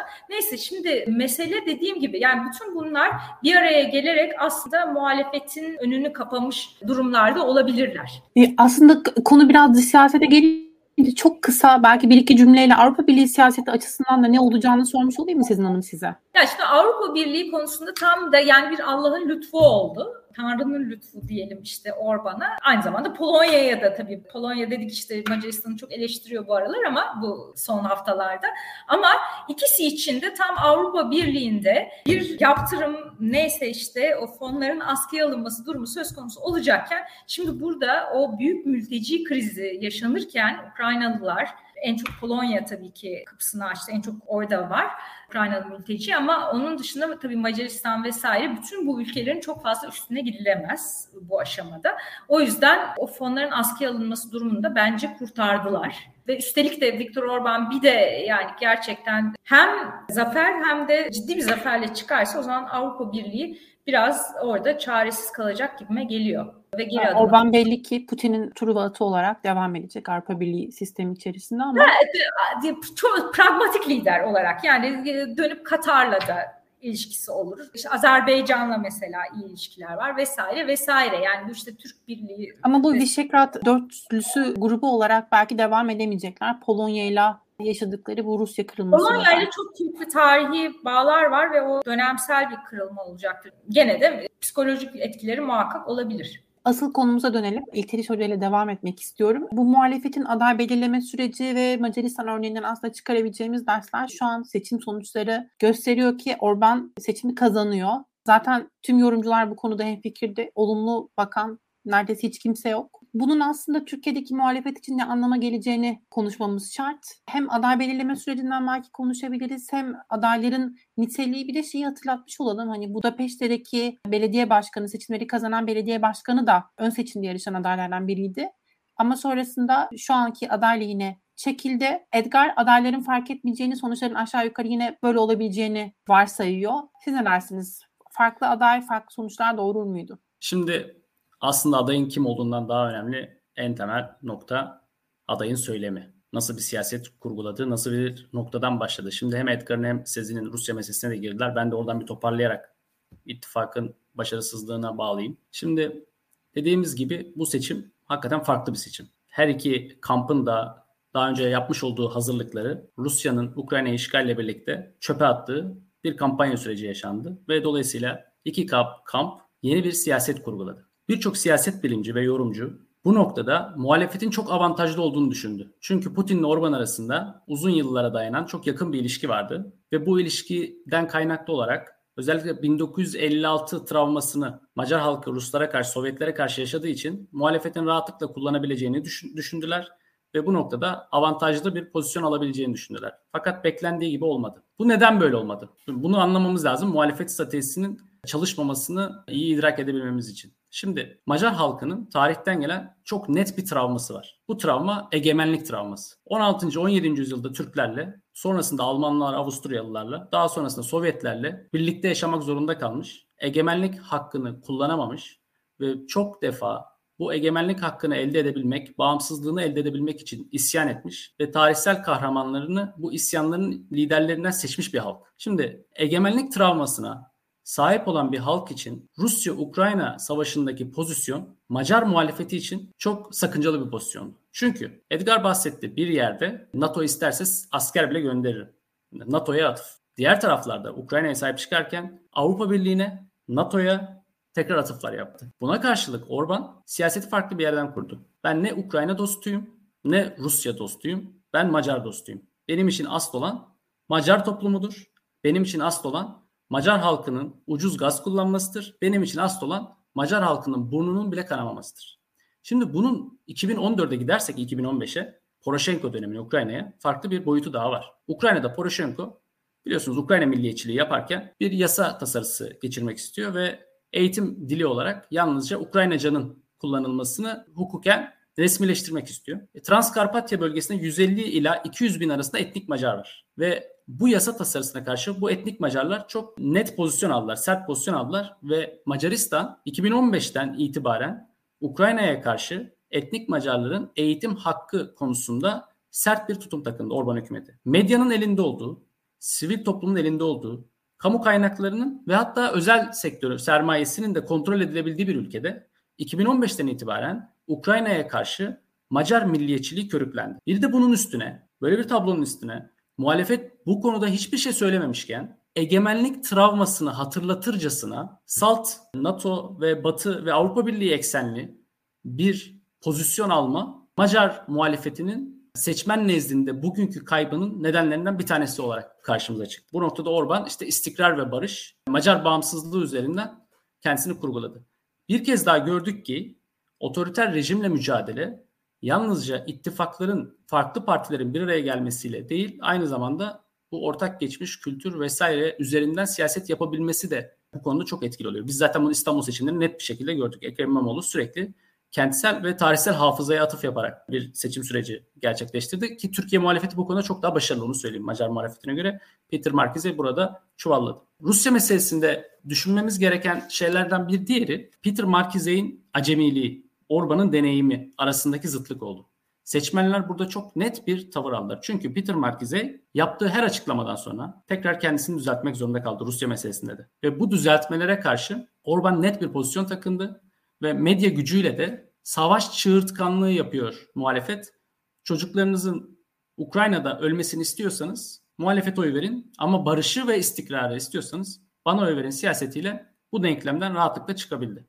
Şimdi Türkiye'nin gerçekten burada alması gereken, Türkiye muhalefetinin alması gereken çok şey ders var. Dediğim gibi adayın, aktörün profilinden daha önemlisi kullandığı dil ve strateji, dayandığı strateji. Bu bağlamda Karatsone de aday olsaydı eğer Peter Markize'ye benzer bir şekilde siyasetsiz bir kampanya yürütseydi, hiçbir partiyi rahatsız etmeden fakat Orban karşıtlığına dayanan bir negatif kampanya yürütseydi başarılı olabilme ihtimali yoktu. O yüzden Türkiye muhalefetinin önümüzdeki süreçte toplumsal hafızayı hatırlatan pozitif kampanya yürüten bir siyaset diliyle ancak otoriter rejim karşısında başarılı olma ihtimali var. Edgar artık sona geliyoruz. Ben de burada aslında Ekeliş Hoca'nın vurguladığı noktalara temas etmek istiyorum. Erdoğan çok tecrübeli bir siyasetçi. Söylemini çoğunlukla yani anlattığı hikayenin inandırıcısı her zaman var ve bunu bir şekilde iyi kurguladığını biliyoruz aslında. Bunu göz önünde bulundurunca Orban'la da kıyaslayıp Orban'ın da benzer bir süreci bütünlüklü bir şekilde, düzgün bir şekilde yürütebildiğini düşününce Türkiye'de muhalefet için sihirli bir denek var mı? Senin paylaşmak istediğin. Sence Türkiye'deki muhalefet için neyi doğru yapmak lazım? En temel, en öncelikli mesele ne olmalı bu noktada? Şimdi doğrudan karşılaştırma yaptığımızda bir defa şunu unutmayalım. Türkiye'de muhalefetin şu anki anketlerde daha ortada ciddi bir muhalefet ittifakı ve nasıl ilerleyeceği konusunda net bir şey bilmiyoruz. Buna rağmen muhalefetin ayrı ayrı oyları iktidarın 10 puan üzerinde Türkiye'de. İktidar için en iyimser anketin sonuçlarını söylüyor. Bu Macaristan'da hiçbir zaman olmadı Orban iktidardayken. Ne oldu? Ön seçimler zamanında muhalefetin tartışmayı biraz yönetebilmesi sebebiyle, gündem belirleyebilmesi sebebiyle e, anketlerde en iyi olduğu zaman, pik yaptığı zaman oldu. Ve o zaman da kafa kafayaydılar zaten anketlerde. Onun dışında hep 3 puan, 4 puan, 5 puan gerideydi muhalefetin toplamı. Şimdi dolayısıyla Türkiye'de çok daha öte bir durum var. Bunu bir ilk önce şey, yani muhalefet için daha avantajlı bir durum. Bunu bir hesaba katmamız lazım. Bunun da en büyük sebebi tabii ki. Ben de ben de Türk... ama seçim yasasındaki değişiklikler diye sana vurgu yapmış olayım, hatırlatmış olayım. Seçim yasasında yapılan değişiklik Orban'ın 2012'de yaptığından daha kötü değil. Onu söyleyeyim. Yani karşılaştırırsak haksızlık yapmayalım. Orban çok daha kurnaz. bir de kurnazlıkla da ilgili, güçle ilgili. Bakın Erdoğan Türkiye'de bugüne kadar iktidarı boyunca anayasayı değiştirecek çoğunluğu alamadı. Ha bizde 5'te 3 çoğunlukla gittiğiniz zaman işte referanduma götürebiliyorsunuz. Ama 3'te 2 olarak konuşuyor. Dolayısıyla ve otorit otoriterleşme dönemlerini hesaba katarsak. Şimdi burada çok daha şey bir, ha Orban Erdoğan en az Orban kadar oy alabildi. Ama sistemi öyle bir şekilde kendini yonttu ki bunun milletvekili karşılığı burada çok daha fazla oldu ve oluyor da. Yani Türkiye'de seçim sistemi değişikliği böyle bir şey, böyle büyük bir avantaj sağlamayabilir. Ama şu var, biz önümüzdeki süreçte şu soruyu soracağız. Şimdi İlteriş'in verdiği cevap, söylemin nelere dikkat et, etmesi gerektiği konusu seçimi kazanmakla ilgili bir konu. Ve tabii ki yani buna katılıyoruz açıkçası. Yani buna katılmamak elde değil. Ama daha başka sorular da var. Muhalefet, şimdi bakın mesela bugün seçimi kaybetmeleri durumundaki hani kazanmayacaklarını artık öngörebiliyoruz istatistik olarak. İlk soru ne olur? 24 Haziran'ı düşünün. 25 Haziran'da Millet İttifakı sorgulanmaya başlandı. Türkiye'de 2018'de. Şimdi burada da bunu söyleyenler olacak ama burada eninde sonunda yine bir çeşit muhalefet ittifakı olmak zorunda. Aktörler değişir vesaire ki bu e, Macaristan'da çok daha hızlı oluyor. Yani siyasetin kurumsallaşması konusunda farklı dinamikler var. Bizde bir CHP'yi vesaire ortadan kaldırmak o kadar kolay değil zaten. O bakımdan bir muhalefet ittifakı bir şekilde devam etmek zorunda. Ama Türkiye için mesela şu sorular öne çıkıyor. Acaba muhalefet ittifakı bir şekilde olmalı ama daha entegre bir şekilde mi olmalı? Mesela şöyle bir argüman da çıkıyor. Bu altı parti, buradaki altı parti spesifik olarak çok popüler partiler değil. Zaten değiller. Hepsinin kendince hitap ettiği bir kısım seçmen var evet. Bir kısım için popülerler. Fakat bir araya geldiklerinde bir voltran oluşturamıyorlar kendi popülerlikleriyle ilgili. Çünkü birbirlerine karşı da ön yargılar ve geçmişler. Düşünün Orban'ın sadece kendisine karşı sallayarak seçim kazandığı eski başbakan Ferenc Gürsay baktığınız zaman bugün muhalefetteki en büyük partinin başkanı ve onun biraz önce temsilcisiyle konuştu. Diyor ki ya siz diyor mesela bir tane şeyi sordum gazeteci. Artık zamanı gelmedi mi? Yani Yursay'ın siyaseti bırakması. Ben bizim biraz Baykal'a benzetiyorum şey olarak. Yani öyle diye düşünün. Deniz Baykal hala siyasette. Yaş olarak değil belki ama yıpranmışlık seviyesi olarak. Ve o tabii ülkeyi yönetmiş birisi Baykal'dan farklı olarak. E, kriz zamanlarını hatırlatıyor 2010 öncesi. E şimdi Demokratik Koalisyon Parti üyesi cevap verdi. Dedi ki ya siz öyle diyorsunuz ama unutmayın dedi. Bu kişi dedi bu artık çekilmesi gerekmez mi dediğiniz kişi Sosyalist Parti'den çıktı. Yepyeni bir parti kurdu. 5 yılda 6 yılda muhalefetin en popüler partisi haline getirdi. Şu anda dedi biz Fidesz'ten sonra en büyük grup olacağız dedi mecliste. Şimdi bunun olduğu bir ortamda şu soru ortaya çıkıyor. Bu yani en büyük parti bile aslında en popüler olmayan kişinin kurduğu parti. Şöyle bir algı çıkıyor. Diyor ki insanlar bu 6 tane partinin kendi logolarıyla bir ittifak oluşturmasındansa bunlar daha böyle bir hani bir şemsiye örgüt oluştursalar kendi logosuyla vesaire. Bu daha da hani entegre olmak demek. Yani yeni bir parti değilse bile yeni bir kurumsallaşma demek. Kolay kolay mümkün değil bunu yapmak. Belki seçmeni daha rahat konuşabilirlerdi. Çünkü mutlaka o kadar geniş aktörlü bir şey ki hem hantal bir yapı hem de mutlaka seçmenin içinden bir tanesini sevmediği birini barındırıyor. Dolayısıyla acaba ittifaklar daha entegre mi olmak zorunda, daha gevşek, daha esnek mi olmak zorunda sorusunu ortaya çıkarıyor. Bu soruyu daha önümüzdeki süreçte tart. Ben Türkiye genelinde hep daha entegre olunması gerektiğini savunanlardandım. Bu konuda da bir fikrim değişmiş değil. Çünkü bunu gerektiren bir ortam, bir atmosfer içinde düşünüyoruz.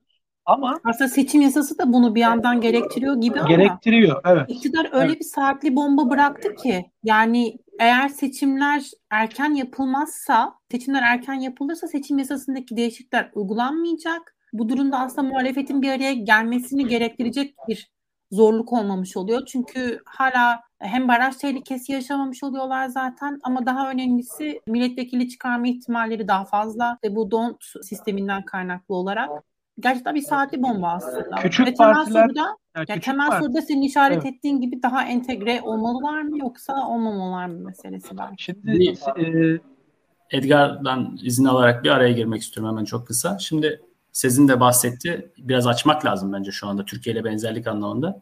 2020'nin Aralık ayında küçük partilerin Macaristan'da ulusal listede yarışabilmesi zorlaştırıldı. Şimdi Macaristan 20 vilayet. Bu 20 vilayetin ortalama 10 tanesinde 27 dar bölgede aday gösterebilen partiler ulusal listeye dahil oluyordu. Fakat 2020 Aralık ayından itibaren bu 15 bölgeye ve 70 küsür bölgeye doğru çıkarıldı. Yani 71 galiba. 71 evet. Orban ne yaptı aslında? Partilerin ortak liste yapmasını itti. Muhalefetin ortak liste yapması belki de Orban'ın işine geldi. Bugün Türkiye'de gördüğümüz tablo da aynısı. Türkiye'de de AKP iktidarı muhalefetin ortak o muhalefet ortak bir listeye doğru itiyor. Bence sorulması gereken şu anda cevaplanmaya gerek yok. Ama sorulması gereken sorunun başında bu var. Neden AKP ve Fides muhalefet partilerini ortak liste oluşturması konusunda zorluyor seçim yasalarıyla? Bunu eklemek Orada istedim. orada evet çok güzel bir şey. Bugün o değişikliği okurken ben bugün okuduğum bir yerde onun ayrıntısını şey yaptım. Aynı soruyu düşündüm. Şöyle bir fark var. Fides burada Hristiyan demokratlarla birlikte zaten bir koalisyon, bir ittifak başından beri ve onlar için Türkiye'deki gibi uzun yıllar sonra MHP'ye mecbur kalan bir AKP durumu yoktu. Fakat Türkiye'de şöyle bir farklılık var. Yaptığı seçim değişikliklerinden AKP ve MHP ittifakı, Cumhur İttifakı kendileri de etkilenme durumunda olabilirler. Çünkü muhalefet eğer bir yerde ortak liste yaparsa onlar da ortak liste yapmak zorunda kalacaktır. Biraz da böyle bir noktası var işin. Yani çok net bir şekilde Türkiye'de Erdoğan'ın manevra alanı Orban'ınkine göre çok çok daha dar. Yani Ekonomik bunu, krizin en önemli nedeni tabii. Ekonomik evet. Krizin. Aynen öyle. O bakımdan ben Türkiye için tabii Türkiye'de bir de şöyle bir şey var. Yani Türkiye'de bir millet ittifakı var. O açıdan tam benzemiyor buraya. Yani yeni partiler var iktidardan kopan. O haliyle baktığımız zaman Macaristan'daki ittifakın şey muhalefetin yapısı tam olarak öyle değil. Türkiye'de ama bunun getirdiği başka zaaflar var. E şunu unutmamamız lazım. Anahtar kelime bütün soruların cevabını bugün vermemiz mümkün değil ama soruları söylersek bence e, anlamlı. Anahtar kelime şu. Bu rejim nasıl ayakta kalıyor? Bu rejim en çok manevra alanını nasıl elde ediyor? Muhalefet arasındaki parçalanmaları provoke ederek, onları birbirine karşı kullanarak. Ve Erdoğan'ın unutmayın uzun yıllar şey yapması, uzun yıllar kullandığı şeylere karşı ittifakları değiştirmesi, yeni ittifaklar kurması, eski ittifakları dağıtması hepsi muhalefet içinde kendi yeni bir ortak bulabilmesiyle ilgili. O bir manevra alanı yaratıyordu ona. Şu an o manevra alanı yok. Muhalefetten artık Erdoğan'ın yanına geçecek kimse yok. Dolayısıyla bizim şunu düşünmemiz lazım. Muhalefetin bu durumu Erdoğan'a kendi hediye etmemesi lazım. Kendi içinde rekabet etmek, kendi içinde kavga etmek. Biz yalnız başımıza da yaparız, Erdoğan'ı yeneriz, düşüncesinin muhalefette bir şekilde yer almaz. Orada makullük çok önemli. Yani mesela Deva ve Gelecek Partileri ne diyor? Bu çok önemli önümüzdeki dönemde tartışacağız. Biz diyor anketlere şu anlık diyor inanmıyoruz. Çünkü Türkiye'de özgür yapılmıyor anketler. Zaten çoğu telefonla yapılıyor. AK Parti seçmeni bizim en çok hitap ettiğimiz seçmen. Henüz doğru cevap vermiyor. Biz sahada çok daha büyük bir ilgi görüyoruz anketlerde çıkan sonuçları. Tamam kardeşim o zaman siz yaptırın anket. Yani bir şekilde sizin etkinizi ölçebilmemiz için bize bir veri verin o zaman. Yani bunu muhalefetin yarın öbür gün söylemesi gerekecek. Bir, bilimsellik düzeyinde ve makullük düzeyinde muhalefet ittifakının anlaşabileceği bir zemin olması lazım. Bu aday göstermeleri de bu şekilde. Ortak listeye bazı yerlerde gidilebilir. Bazı yerlerde İyi Parti'nin listesinden girilir. Bazı yerlerde CHP'nin listesinden girilir. Bazı yerlerde iki farklı liste çıkarılır. Tıpkı 2019'da adaylaşma sürecinde yapıldığı gibi. Bunlar ölçülür ve yapılır. Altı partinin bu imkanı var. Değişik projeksiyonlar yapıp görme konusunda. Burada önemli olan karşı tarafın da ne yaptığını görmek. Mesela şunu unutmayalım. Büyük şehirlerde, muhalefetin avantajlı olduğu büyük şehirlerde Cumhur İttifakı'nın şimdiden ortak aday üzerine çalışma ihtimalini biz öngörebiliriz.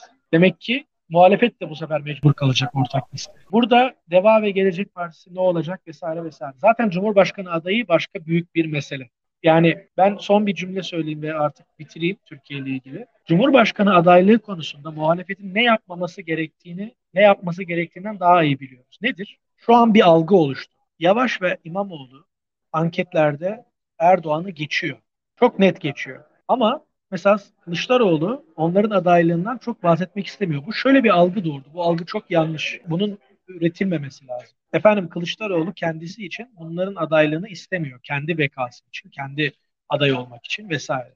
Şimdi bu algının kırılması lazım.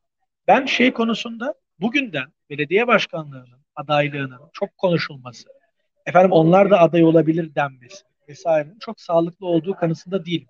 Zaten ikisinden biri aday olacaksa en iyi kampanyaları adaylaşana kadar onlar. Yani 2023 yılının başına kadar seçimlerin tarihinde yapıldığını varsayarak söylüyorum. Bulundukları kentleri en iyi şekilde yönetmektir zaten. Onun haricinde yapacakları herhangi bir kampanya daha iyi bir kampanya olmaz. Ama muhalefetin şunu söylemesi lazım. Seçmene şu garantiyi vermesi lazım. Bakın Twitter Space'leri dinliyorsanız orada görürsünüz.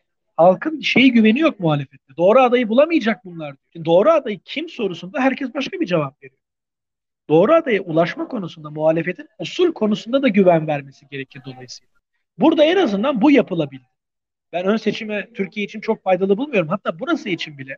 Ha, burada daha iyisi yapılamazdı belki bu arada. Yani ama çünkü daha iyisi, daha demokratiği tartışılır bunlar. Ama bir kutuplaşma yarattığını vesaire veya bazen ön seçim muhalefet içi olduğu zaman belki ulusal düzlemde daha doğru adayı bulmanızı engelleyebiliyor. Burada da bazı açılardan o mekanizmalar e, çalıştı ve yanlış adaya gitmiş olabilir. Ama şunu söyleyebiliriz. En azından Türkiye'de bir ön seçim vesaire olmayacak ama mesela liderler masasından çıkması deniyor. Peki sonuç itibariyle bütün liderler için şu bir gerçek değil mi? Mesela şu konuşuluyor. Efendim Deva ve Gelecek Partileri Kılıçdaroğlu'nu tercih ederler çünkü görece daha yumuşak bir adam. Ya bütün partiler için seçimin kazanılması şu an en büyük mesele hayat mamak meselesi. Muhalefet kalmayabilir Türkiye'de bir dahaki seçimde. Otoriter rejimin konsolide olması için en büyük şart yerine gelmiş olabilir. Baş, diğer şartların hiçbiri yerinde değil şu an. O bakımdan bütün liderler için en önemlisi seçimin kazanabileceği, kazanılabilecek bir adayla gidilmesi ilk önce. Ve onun için de kendi tabanlarına, örgütlerine, seçmenlerine en doğru adayın bulunabileceği konusunda bir garanti vermeleri gerekiyor. Ama biz şu an o noktada değiliz. Şu an bütün partilerinde liderler bizim liderimizin aday olmasını isteriz vesaire gibi şeyler kulislerde ve hatta kamuoyu önünde konuşuyor. Yani bizim dolayısıyla bu dersleri de Macaristan'dan almamız gerektiğini düşünüyorum. Uzattım biraz kusura bakmayın. Hayır. Çok teşekkürler. Aslında yayının da sonuna geldik. Macaristan için, Macaristan muhalefeti için karamsar, karamsar da demeyelim ama kötü bir akşam olduğunu söylemiş olalım. Ama sona doğru Türkiye'de muhalefet için daha olumlu, daha pozitif konuşabildik. Son birer ikişer cümleler rica etmiş olayım. Selin Hanım sizle başlayalım. Ne söylersiniz? Valla yani buradan muhalefete çıkan, Türkiye'deki muhalefete çıkan en büyük ders herhalde çantada keklik değil işler. Yani bir sürü e, farklı faktör devreye girmiş olabilir. İşte bunları masaya yatırmak lazım. Macaristan'ın benzeyen tarafları var, benzemeyen tarafları var. Bunları dikkate almak lazım. Mesela Macaristan sistemsel bir değişiklik yaşamadı mesela bu yani tabii ki işte anayasası değişti, bütün yasaları değişti. Yani bir anlamda elbette ki benim orada yaşamaya başladığım zamanlar 2000'lerin Macaristan'ıyla bugünün 2022'nin Macaristan arasında bir uçurum var elbette ama başkanlık sistemi başka bir şey bir kere. Türkiye'de bu gerçekleşti ve bunun aslında bir yandan belki genel siyasi ve seçimlerin bütün alanını düzenleme açısından veya bütün devlet imkanlarının kullanımı açısından getirdiği başka özellikler var. Başka bir işte kontrol boyutu var. Ama öte yandan da başkanlık sistemi çok şey vaat ediyordu ve o vaatler yerine gelmedi. Macaristan'la ilgili böyle bir durum söz konusu değil. Yani Macaristan ekonomik krizi evet ekonomik sıkıntıları da olan bir ülke. Yani her şey çok mükemmel diyemeyiz. Veya içinde yaşadığınız zaman olması gereken yerde olmadığını çok iyi hissediyorsunuz. Sağlık sisteminden tutun da işte eğitim sistemine vesaire birçok irtifa kaybedilen yer var. Ebeğin göçü bizim şimdi yeni konuşmaya başladığımız Macaristan'da çok daha ağır yaşandı son 20 yılda ve özellikle son 10 yıl önemli oldu. Yani 12 yıl Orban iktidarı dönemi de bir şey olarak ayrıca alırsak yaşananlar ötesinde ya muhalefetin bir araya gelip hareket ediyor olması burada işte e, ortak liste dayatması evet seçim yasası değişikliğiyle İlteriş Hoca'nın bahsettiği gibi oldu zaten yani başka bir seçenek yoktu. E, bu ortaklaşmayı yapmasalar olmayacaktı. Ama orada da mesela Türkiye'nin büyük bir dezavantajı aynı zamanda belki de avantajı. O da Kürt meselesi ve Kürt seçmenin varlığı. Macaristan'da ben Jobbik'in ikinci büyük ana muhalefet partisi olduğunu yani ikinci büyük parti olduğunu ve yüzde en yakın muhalefetin yüzde ellilik bir Orban'a karşı yüzde on yedi olduğu dönemleri de hatırlıyorum. Ona göre yani evet mesafe kat edildi. Ama kat edilmesi gereken mesafe bir seçimde alınmadı işte. ancak işte ilk denemesi belki yapılabildi. Ama Macaristan işte o benim bahsettiğim dönemlerde ve hala aslında çok monolitik bir demografik ve yakla, genel olarak siyasi yaklaşıma sahip bir ülke. Bir tek işte orada Budapeşte ve kırsal ayrımından daha çok bahsedebiliyoruz. Yani geri kalanın Budapeşte dışından bahsedebiliyoruz. Ama Türkiye'de işte aslında Kürt seçmenin varlığı her zaman o siyaseti de değiştiren ve biçimlendiren bir öğe olarak karşımıza çıkıyor. Demek ki burada da bana kalırsa bir avantaj olarak da çıkabiliyor. Bunu da bir düşünmek lazım. İlteriş Hocam? Tarihi bir gün bence Macaristan için ve bütün karşılaştırmalı siyaset öğrencileri için. Beklenen tarihi değil yalnız. Tarihi gün evet. ama evet. başka tarihi bekleniyor.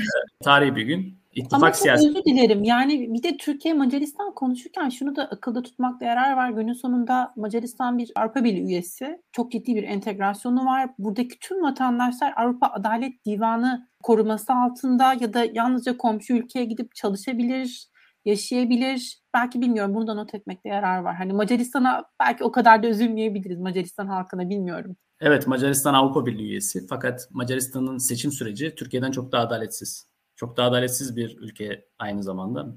Bu bağlamda yani iktidarın değişme koşulları bağlamında Türkiye'den daha otoriter bir ülke. Bu da önemli. Aynı zamanda bir Avrupa Birliği sorusu sormuştunuz sizine. Ben de oradan birkaç şey söyleyip böyle bitireyim. Orban Rusya'nın Truva olarak değerlendiriliyor. Liberal çevreler tarafından Avrupa Birliği'nde. Fakat Orban öyle yalnız bir adam değil. Avrupa Birliği'nde çok ciddi, güçlü bir network'ü de var. Boris Johnson başta olmak üzere. Almanya hem sosyal demokratlar hem muhafazakarlar Orban'la çok kötü değildir. Çünkü Alman yatırımlarının çoğu Macaristan'dadır ve bu yatırımlar devam ediyor. Ve rejimi en fazla destekleyen unsurlardan bir tanesi budur. Çünkü çok ciddi bir katma değer yaratıyor işte BMW başta olmak üzere. Bunun dışında Fransa'da, İtalya'da çok net bir sağ siyaset ağı var Orban'ın. Bu bağlamda yalnız değil. Fakat Türkiye ile ilgili birkaç şey söyleyeceğim. Hepsiyle alakalı olarak da. Bana göre bugün Macaristan siyaseti Türkiye ile karşılaştırıldığı zaman umutsuzluk vaat etse de tabii Türkiye'de koşullar farklı. Az önce bahsettiğimiz gibi ekonomik kriz bunun en net göstergesi ama onun yanında muhalefet partilerinin daha iyi siyaset yaptığını, daha köklü bir geçmişe sahip olduğunu, daha kurumsal olduğunu söyleyebiliriz. Fakat yine de son kertede aday tartışmalarından ziyade nasıl bir siyaset izlenmeli tartışmalarını yapmak bence muhalefet için çok kritik olacak önümüzdeki süreç için. Edgar, Edgar sen Genel... bir bardasın sanırım. Burası evet yani biraz bardan bozma şey o medya şeyi ama yani yok gerçekten ama bir medya bölümündeyim yani bir barda sizi kandırmıyorum söyleyeyim. Evet Markizay da gelmiş. Son bir iki cümle ben de çok genel bir şey Mar Markizay'la artık Markizay'la birazdan içmeye gideceğiz biz arkadaşlar. Rakı e, var mı? Bunların içki palinkaya etmez bu iş. Öyle Şimdi şöyle söyleyeyim. Bakın Venezuela'da muhalefet şey bir araya geldi. 6-7 yıl uğraştılar ve kazanamadılar. Daha sonra Chavez ani bir şekilde vefat etti. Yerine çok daha karizmatik olmayan diyelim Maduro geldiğinde ona karşı umutlandılar. Her tabii kayıplarında birlik bozuldu, boykot edelim diyenler oldu, umutsuzluk şu bu vesaire. Ama her seçimde de yine bir araya gelmek zorunda kaldılar. İşte Maduro geldiğinde ona bir puanla kaybettiler. Hatta yarım puan diyebiliriz. Ulan onu da mı yenemedik dedikten sonra yine şeyler oldu, bölünmeler oldu vesaire. Bir dahaki seçimlerde 2015'te parlamentoyu kazandılar. Ha onu da kaybettiler sonra kendi hataları yüzünden ama şunu demek istiyorum. Biz çok fazla eşikler koyuyoruz kendimize. İşte bu seçim olmazsa yandık bittik. Tamam olabilir. Bunun belli bir gerçekliği de var bilimsel perspektiften. İşte ne diyoruz? Otoriter konsolidasyon olabilir ya da daha kötü bir vesaire. Ama şunu da unutmamak lazım. Türkiye bizim ülkemiz. Günün sonunda nereye gidebiliriz? Mücadele edeceğiz. Ne olursa olsun yapacağız ve hani bu seçim oldu oldu yoksa gidiyoruz vesaire. Hakim çok hakim bu ruh hali. Bu, bu iyi bir ruh hali değil ve gerçekçi de değil. Bunu söylemiş olayım sadece. Dünyada da örnekleri var. Bununla mücadele edip bu mücadele etmeden de bu olmuyor. Macaristan da bu şekilde ilerleyecek. Başka çaresi yok. Ya bu arada sevinelim tabii şimdi bu seçim yasası değişikliği bir de Macaristan seçimlerinden sonra olsaydı burada herhalde bayağı ilham alınacak belki şeyler bulunurdu Macaristan'dan. Çünkü hakikaten güzel değişiklikler yapmışlar iktidar lehine.